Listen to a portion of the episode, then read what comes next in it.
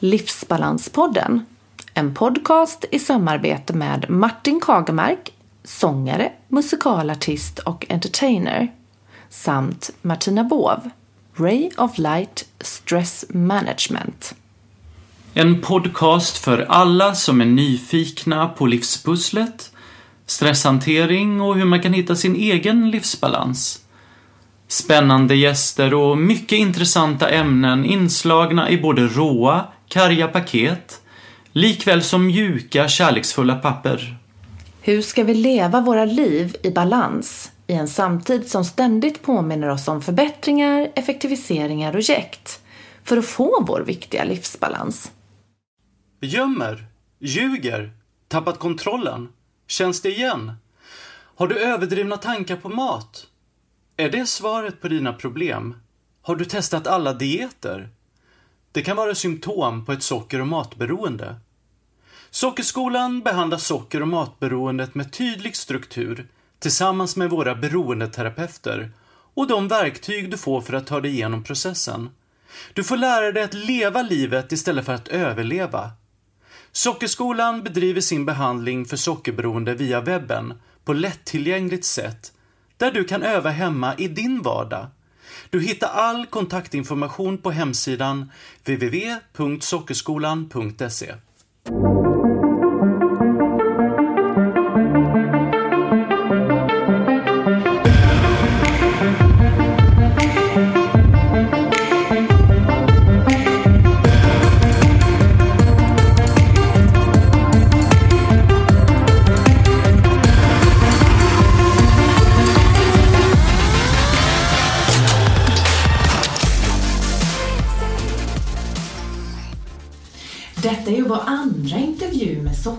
Sockerskolan eh, här. Då första avsnittet har blivit ett av våra mest lyssnade avsnitt med Kristina Krugnell. Jättekul verkligen eh, att detta har fått ett sånt genomslag tycker vi. Och eh, det är ju ett ämne som många känner igen sig i. Det ska bli spännande att djupdyka ner i sockerskålen ännu en nivå till.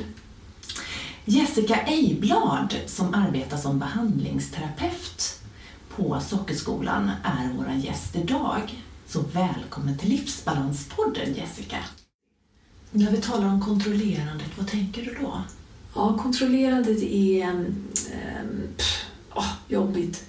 Är det. Därför att jag kan än idag märka, jag har nio års nykterhet, eller nio och ett halvt års nykterhet i mat och socker. Grattis! Tack!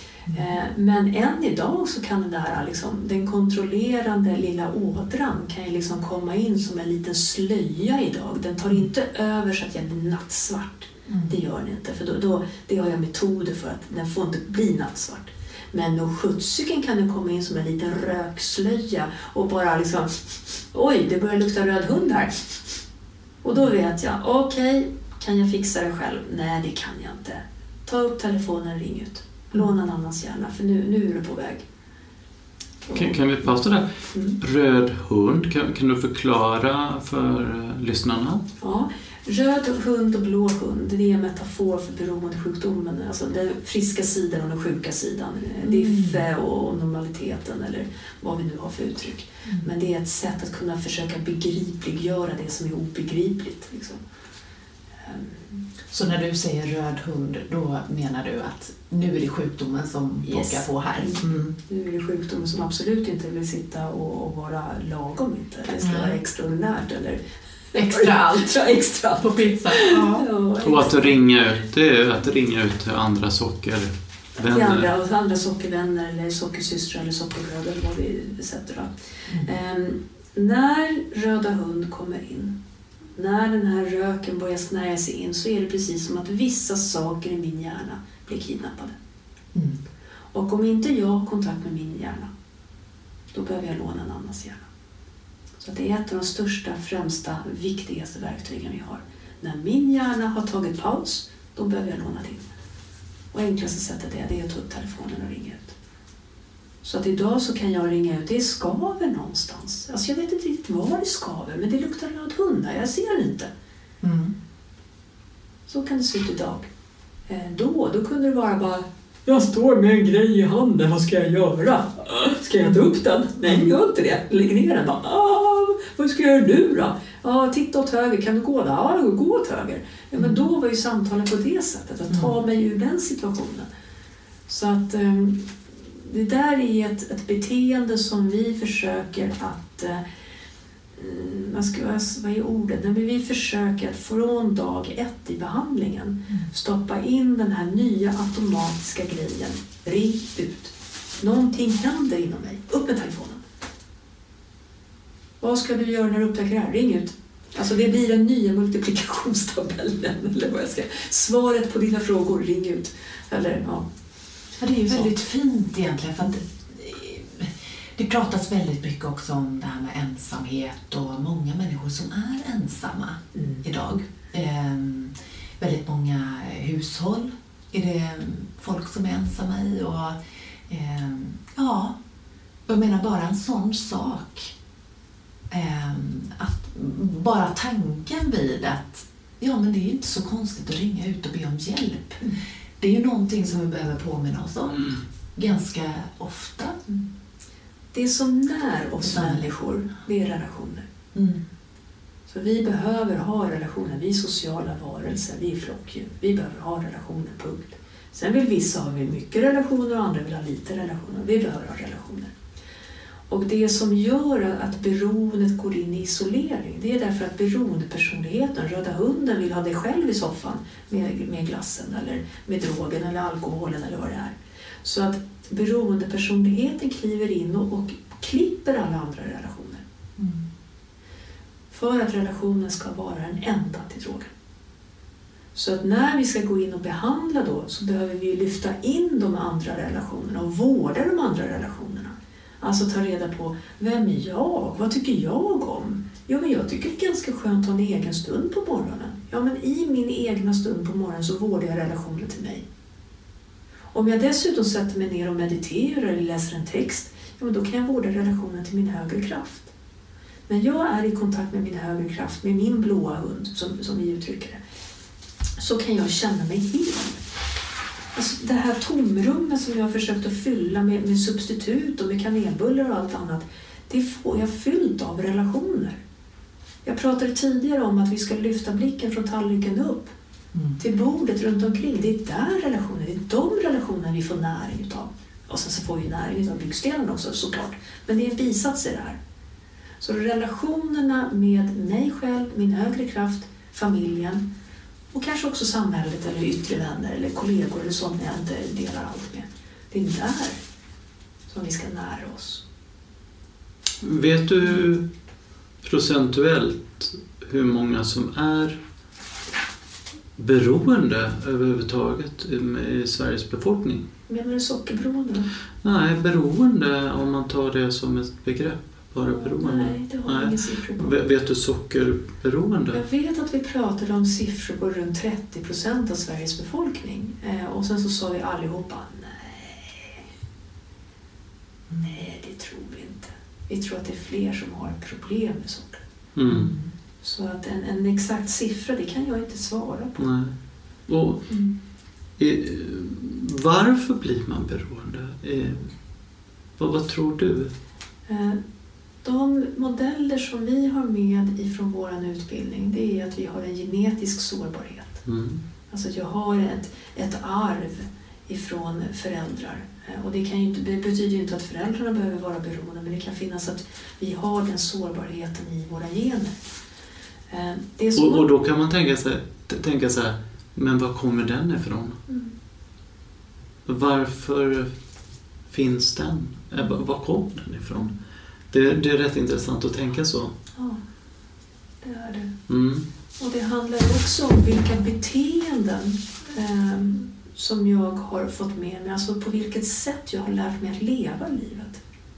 Har jag då, som vi var inne på tidigare här, att känner du någonting stoppa något i munnen så blir det ju ett, ett, liksom, det blir ett beteende. Mm. Så har jag då den här, den här genetiska sårbarheten för beroende, det är lätt att sätta på de knapparna. Och så sätter jag på de knapparna så fort jag känner någonting. Så att beteenden och sätt är också inblandade i det här. Vilken miljö och vilken kultur vi, vi lever i. Men sen är det ju också det här utsattheten för drogen. Har jag sårbarheten och får ett väldigt stort påslag utav den här molekylen Och min hjärna blir tjoho, det här var trevligt. Och så nästa gång tjoho, det var lite mindre trevligt. Tjoho, det var lite mindre trevligt. Och så, så kommer det här att leda till att min lösning på att liksom leva livet blir att jag ska stoppa den här grejen i munnen som gör att jag får det här signalsubstanspåslaget i hjärnan. Och är jag där då och retar det här tillräckligt många, många gånger så att den här vägen blir väldigt, väldigt stark i vår hjärna och jag får det här påslaget på mitt belöningssystem så kan det bli den enda verkligheten jag vill leva efter. Mm.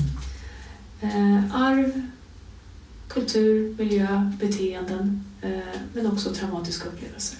Mm. Och det kan vara att jag har varit utsatt för många, många små mobbningsgrejer. Vad fula byxor du har och så fick jag käka jättegott på fritids och så blev det trevligt. Och helt plötsligt så nästa gång när någon sa att jag inte fick vara med och leka hittar jag på nu. Eh, Mm. och, och så in på fritids och äta den där eh, sockersoppan. Och så blev det trevligt. Ja, men helt plötsligt så blev det, jag skiter i de där där borta, de är bara dumma. Jag går in på fritids och äter sockersoppa. Mm. Ja, men då har jag etablerat någonting. Mm. Så att det är många ingångsportar och det man kan se då i större studier när det gäller kanske inte socker och matberoende men det är att arv och, och bete, alltså beteenden det har stor påverkan på om vi utvecklar beroendesjukdomar eller inte. Mm. Har det. Och det eh, kan vara kemiskt. Ja, ja, ja. Att det blir kemiskt till slut. Mm. Och sen så kan det vara, Tänker du process? ja om man, man delar upp det. Hur, hur tänker du kring det? Eh, Jag tänker tre ingångsportar i, i det. Eh, Erik Sundby som har eh, DBK, sex och kärlek, beroende jobbar de med. Eh, han hade en väldigt vacker beskrivning på det där när jag och Kristina vi gjorde väldigt mycket praktik där så vi har Erik att tacka för väldigt, väldigt mycket. Just på hur man jobbar i grupp och sånt där. Men han hade en vacker beskrivning på att vi har ett substansberoende. Alltså det, det finns en molekyl, det finns någonting i substans som ger en förändring i mitt belöningssystem. Men vi har också processberoende, men också näring, njutning. Vi som människor, vi gillar att sexa och vi gillar att äta. Det ingår liksom i vårt liv. Det, det, det är det vi ska göra Mm. eh, i våra liksom, grundskript. Ät så att du överlever, sexa så att du får lite barn och sen så befolkar vi jorden. Liksom. Mm. Så att näring och njutning, det, det ingår liksom i våra liv. Och där kan det också gå lite bananas. Mm. Som att liksom, ja, jag bara ser till att få eh, näring, näringen ifrån människor får jag eh, på ett osunt sätt via maten. Mm. Så att Substitut. ja, substitut Mm. för en annan människa, substitut för en, en kram, substitut för en vägledning, substitut för, för olika saker. Mm. Ehm, jag var på någonting som jag ville säga, ska vi se om den kommer tillbaka. Men det var det här att alkohol behöver vi inte ha, Mm. men vi behöver ha mat. Precis, och det är ju det som man hör att väldigt många eh, har lite svårare med. Ja. Eh, I och med att man, alla måste gå och handla vid något tillfälle i sitt liv. Och har man då problem med maten, då blir det... Ja, men vi utsätts ju för vid inhandlingen när jag ska Mm. planera vilken mat jag ska äta, när jag ska Mm. göra den här maten och just när jag ska vara i olika tillfällen. Så jag menar, Och även ju- impulshantering Ja. vid kassan. Ja, Alltså bara en sån sak. Man vet ju Ja. att de har produktplacerat Ja, ja. Jo, men de har ju byggt upp hela gångarna i, liksom på ett visst sätt för att det ska lukta, dofta och tjoa. Ja. Så jag menar, det där finns det jättemycket forskning om på hur vi kan liksom kliva in och killa. Liksom, kom kom och köp Mm. det här nu. Precis. Så att de är ju där och killar med våra hjärnor. Vad heter de personerna som gör de Ja. strategierna? Ja, det är ju marknadsförare och psykologer bland Mm. annat. Ehm, och eh, vad heter det? finns ett koncept för detta. Jag vet inte om det hette... ehm, ehm, ja, det precis som du säger. Ja, locka. Ja. Det, finns, eh, det finns ett namn Det för finns det. Nudge. Nudging, Nudge. tror jag. Är det ett Ah. yrke? Nej, utan det är liksom ett namn för hur man pockar på uppmärksamhet genom att eh, marknadsföra för si- sinnena Mm. i butik. Det är det som händer när Mm. de lägger fram vissa lockbeten vid kassorna eller eh, ja, i vissa mindre franchisebutiker, Mm. utan att nämna några namn, så kan de liksom sätta in olika dofter. Eh, som kanelbulledoft till exempel och sådär så det luktar nybakat och man blir supersugen. Eh, samma sak som i vissa klädesbutiker som ska vara coola så har de på cool musik i bakgrunden. Och, Mm. ja, att de är där och, och eh, försöker nudga. Ni skulle, ni skulle höra mitt leende här nu, för nu, nu får jag så här... det, Ja. liksom, det kommer en liten räv bakom örat. Vi använder exakt samma sak i vår behandling. Därför, Berätta. jo, men därför att vi, vi påverkar ju vår hjärna genom stimuli. Mm. Och vi använder de här grejerna i... Gud vad pinsamt att säga så. Jo men vi gör verkligen det. Vi tittar på hur fungerar din hjärna? Vad är så, vilket sinne är det som är ditt sinne? Är det doftsinnet? Men vi använder det för att bryta mönstret. Mm. Så att istället då för att gå in i en affär som doftar nybakat Stoppa ner näsan i halsduken, stoppa näsan runt handleden. Ha en doft med dig som du kan omprogrammera dig med.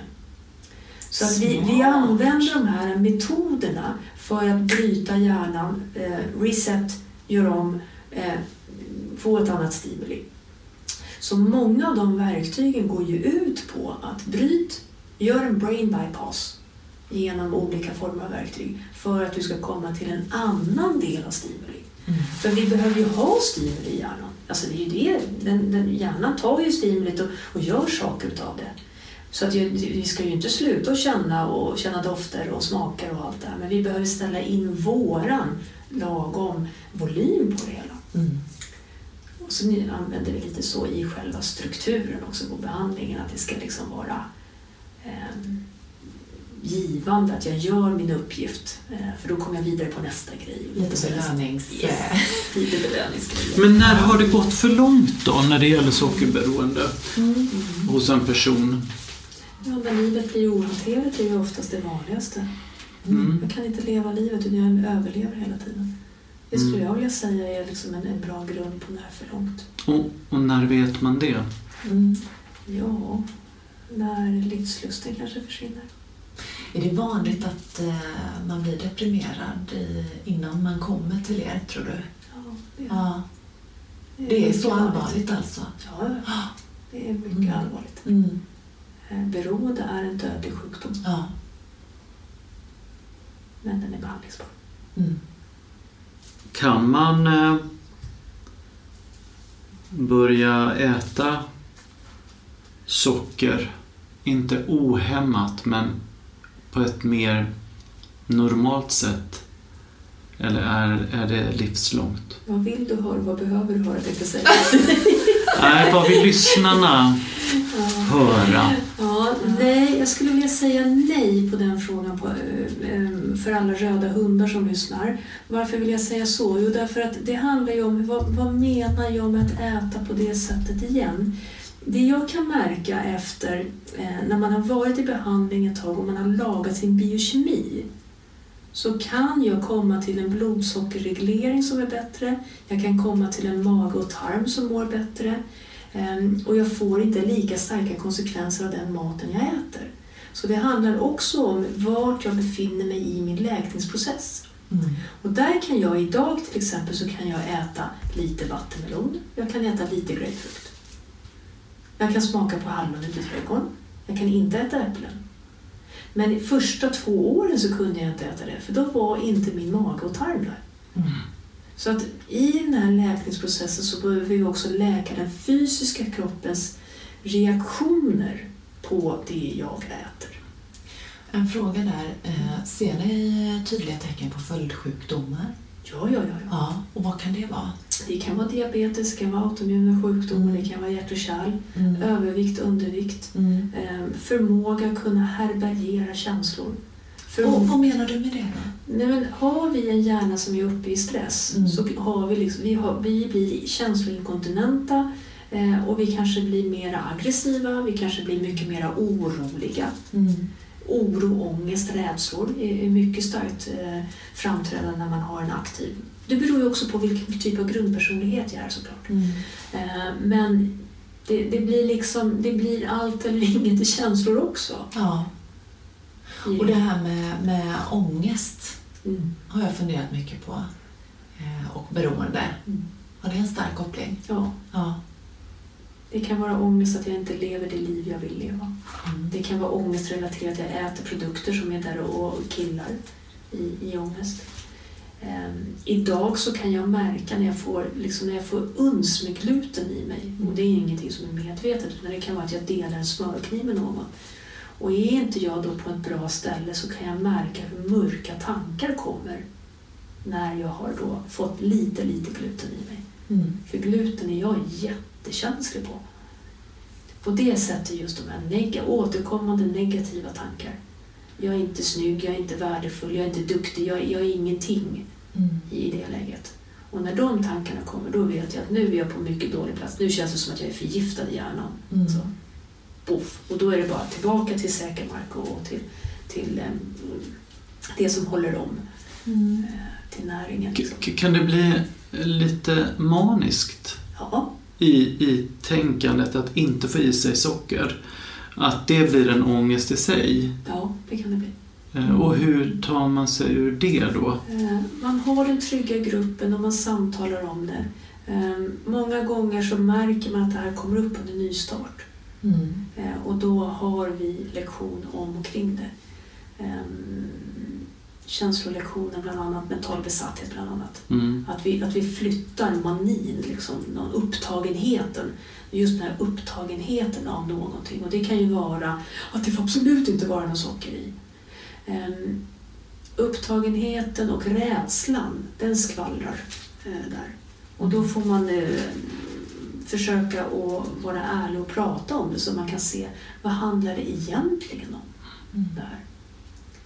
Jag menar, har man sockrat ordentligt i 40 år så kanske man inte dör om man får 3 millimeter socker i sig. Utan man får ta hand om konsekvenserna i kroppen. Mm. Man får liksom sätta det på en nivå där, där eh,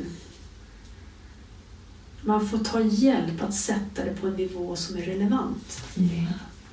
Men ja, det, det är inte ovanligt att, att man kliver in och kan få en ångest över att man får i sig. Ja.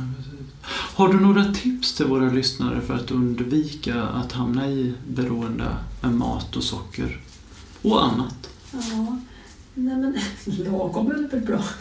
Ja. ja. Ja, lagom är väl bra. Inte så dumt. Nej. Nej, men det är väl det här att jag skulle så gärna vilja normalisera känslor. Och när vi går in och liksom försöker känsloreglera och energireglera med eh, produkter, att eh, ta ett andetag, ta ett steg bakåt, bakåt, få lite perspektiv på tillvaron och titta på varför. Mm. Varför går jag in i det här?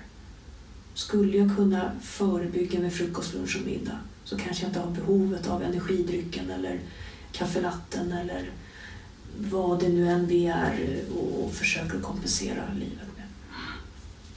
Mm. Va- Vart kan, vart kan man vända sig om man misstänker att en närstående har problem men inte sökt hjälp? Man kan vända sig till oss för att ta ett inledande gratis samtal. Eh, men sen så finns det ju också självhjälpsgrupper för sådana som är medberoende. Eh, så man också kan gå in och, ta hand om sin e-, egen ångest i, det hela. Eh, men är man orolig så tänker jag så här eh, Ring någon utav oss utbildade terapeuter så kan man titta på problemet. Är det som så att sin nära och anhöriga är på ett skede där de är nyfikna så kan man komma in och ti- titta på ett gratis webbinar. Mm. Eh, Och då blir det ju liksom, det blir distans, det blir genom datorn och sen så kan man kanske prata om och kring i det där. Ehm, Och de kan göra det själva eller tillsammans Ja, med själva eller tillsammans. Och där, där är det lite olika beroende på vilken relation man har. Mm. Vissa kan absolut inte sitta tillsammans och vissa kan det. Mm. Så att de här gratiswebbinarierna, vad det sockerberoende, det, det syns på hemsidan när nästa är. Men de har varit väldigt många som har fått, en, fått en ögonöppnare. Mm. Sen kanske inte att man går via oss utan man hittar en annan väg att gå. Men just att se att eh, det här skulle kunna leda till ett problem och jag är orolig för dig. Mm. Kan jag ställa frågan utifrån mig själv? Jag är orolig för dig. Skulle det här kunna vara någonting att vi kan titta på tillsammans? ja, men då står man ju liksom på en mer jämlik mark Mm. och kan titta på problemet. Men om jag kliver in och säger du ska göra det här, ja men tjena i gatan, jag skulle sätta mig på tvären i alla fall på en gång. Ja, jag tycker att Hans gör det. Mm. Så att eh, är det som så att du upplever en, eh, en stark oro och ångest för dina nära och kära, prata med någon. Eh, Och sen efter det så kanske mm, närma dig din nära och kära. Tänker jag. Eh, vi lever ju en tid just nu med coronaviruset är i, eh, ja, i fokus, skulle man kunna säga. Eh, pandemin då, har ni kunnat se någon skillnad sedan pandemin började Oh, ja. På detta med beroende eh, problematik och eh, att folk söker sig till er för hjälp? Ja, Ja. eh, det har vi verkligen gjort. Det vi kan se hos våra klienter som redan är under våra vingar det är att det, det, blir, det blir en obalans. Eh, livet är inte som vanligt. Eh, Mm. man, man har inte relationerna på samma sätt. Eh, man kanske saknar att kramas och, och träffas på det sättet. Man kanske inte är inne på jobbet på samma sätt utan man jobbar hemifrån. Eh, oron över vad som ska hända, rädslan över vad som ska hända. Eh, Man, du ser oftast en ökad rädsla en ökad rädsla och, en, ja, Mm. och, att, och att det blir, har jag inte då förmågan att med mina verktyg komma i mer balans Mm. så är det väldigt många som har klivit in i återfall. Det är så. Ja. Mm. Det vi också märker är att det är många nyanlända. Och det är ju trevligt för att på det sättet så har de, har, har de idag en annan möjlighet att delta i våra kurser som går över nätet. Mm. Att det finns en, ett annat sätt att leva på idag som möjliggör att kunna gå in i behandling. Mm. Och det är trevligt. Så att ja, vi ser en ökad oro, vi ser konsekvenserna av oron, vi ser en ökad stress och vi ser ett ökat behov av att ha ett friskt ställe att häng- hänga på. Mm. Där jag kan få dela de här sakerna och få råd. Ja, just det, det där kan jag göra. Ja, Just det, det där kan jag göra. Ja, ja, ja, det där skulle man kunna göra. Mm. Så att i det här så skapas det också nya möjligheter och nya sätt att kunna ta vara på kunskap och gemenskap på, på, på så sätt. Mm. Eh, varenda morgon så har jag morgonmeditation klockan åtta. Och där tänkte vi att det här provar vi nog några veckor under liksom det värsta som kan ske. Tjena i gatan. Det har vi hållit på med nu sedan i mars. Varenda Underbart. morgon. Måndag till söndag liksom. Eller, ja. Och då sitter vi och mediterar. Eh, ingen kostnad. Hur långa är sessionerna? 15 minuter. Eh, Och ibland när jag tycker att jag inte är färdig så blir det längre. Men då avslutar vi efter 15 och ni som vill hänga med, ni får stanna kvar. Och det är öppet för alla. Så att det här kan vara ett väldigt fint sätt att börja dagen och ta kontakt lite inåt. Är det en viss tid man måste vara med eller eh, alltså är det livesändning? Eller Ja, det är livesändning via Zoom. Eh, Ja. Mm. Och det syns på vår startsida på hemsidan. På sockerskolan.se? På Sockerskolan. Ja, så då skickar man in en liten anmälan så man får ett vändande mejl med, med koden till det här Zoom-rummet. Och vi är någonstans mellan kanske 10 och 20 stycken inne varenda morgon. Vilket bra tips.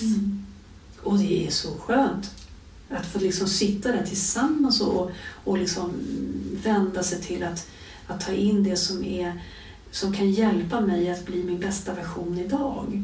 Och göra det tillsammans.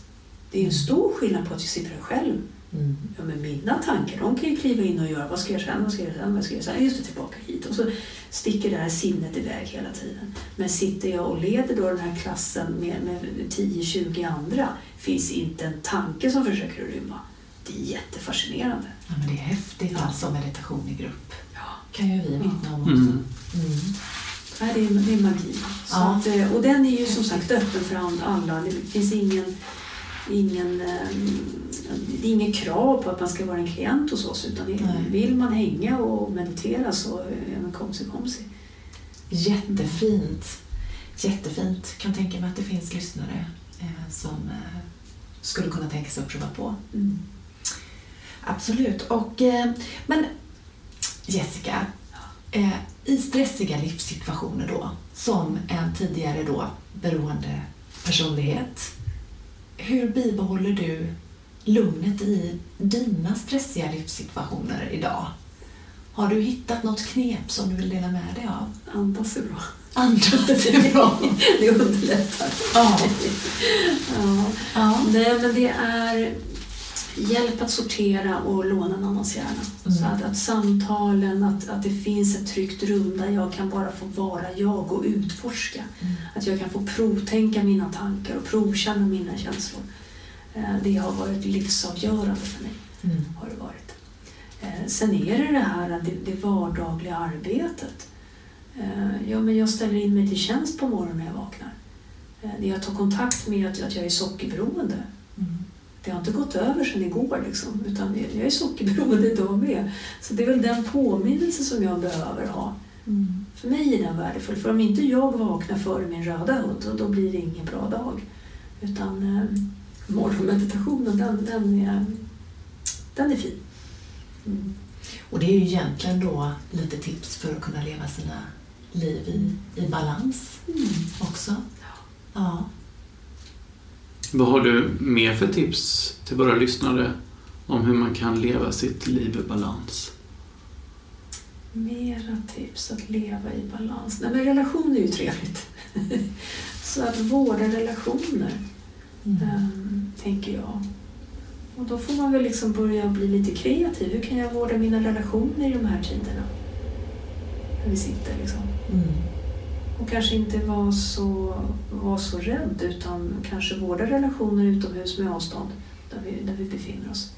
Um, någonting som jag har upptäckt sista tiden det är att det måste vara kul också. Vi kan ju inte bara gå runt och vara rädda och vara duktiga hela tiden utan få in den här glädjen, att, att hitta den här glädjen.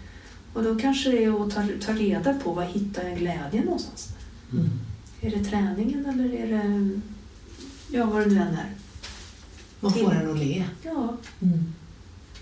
Och är det som så att det är svårt att hitta de där att le själv, ja men det finns så mycket filmer ute på Youtube. Och då kan man ju titta på om man ska kika på gulliga kattungar eller eh, vuxna som åker skateboard och gör illa sig eller vad man nu, vad man nu skrattar åt. Ja men använd det som motivator och skratta lite. Ja. Ja. Mm. Ryck på axlarna lite mer, det är inte så jävla allvarligt. Utan få in lite ja-ja i, i livet. Härligt. Tack Jessica för att du ville gästa vår podd. Det har varit fantastiskt kul att ha det här. Mm. Livsbalans Och kärlek till er alla. Ja. Puss och kram från oss. Om ni vill komma i kontakt med oss angående Livsbalanspodden eller andra uppdrag så finns vi på livsbalanspodden gmail.com och Livsbalanspodden på Instagram. Eller var och en på martin.kagemark.telia.com eller via min hemsida martinkagemark.com. Och mig Martina på martinabovgmail.com eller på Instagram Ray of Light Stress Management.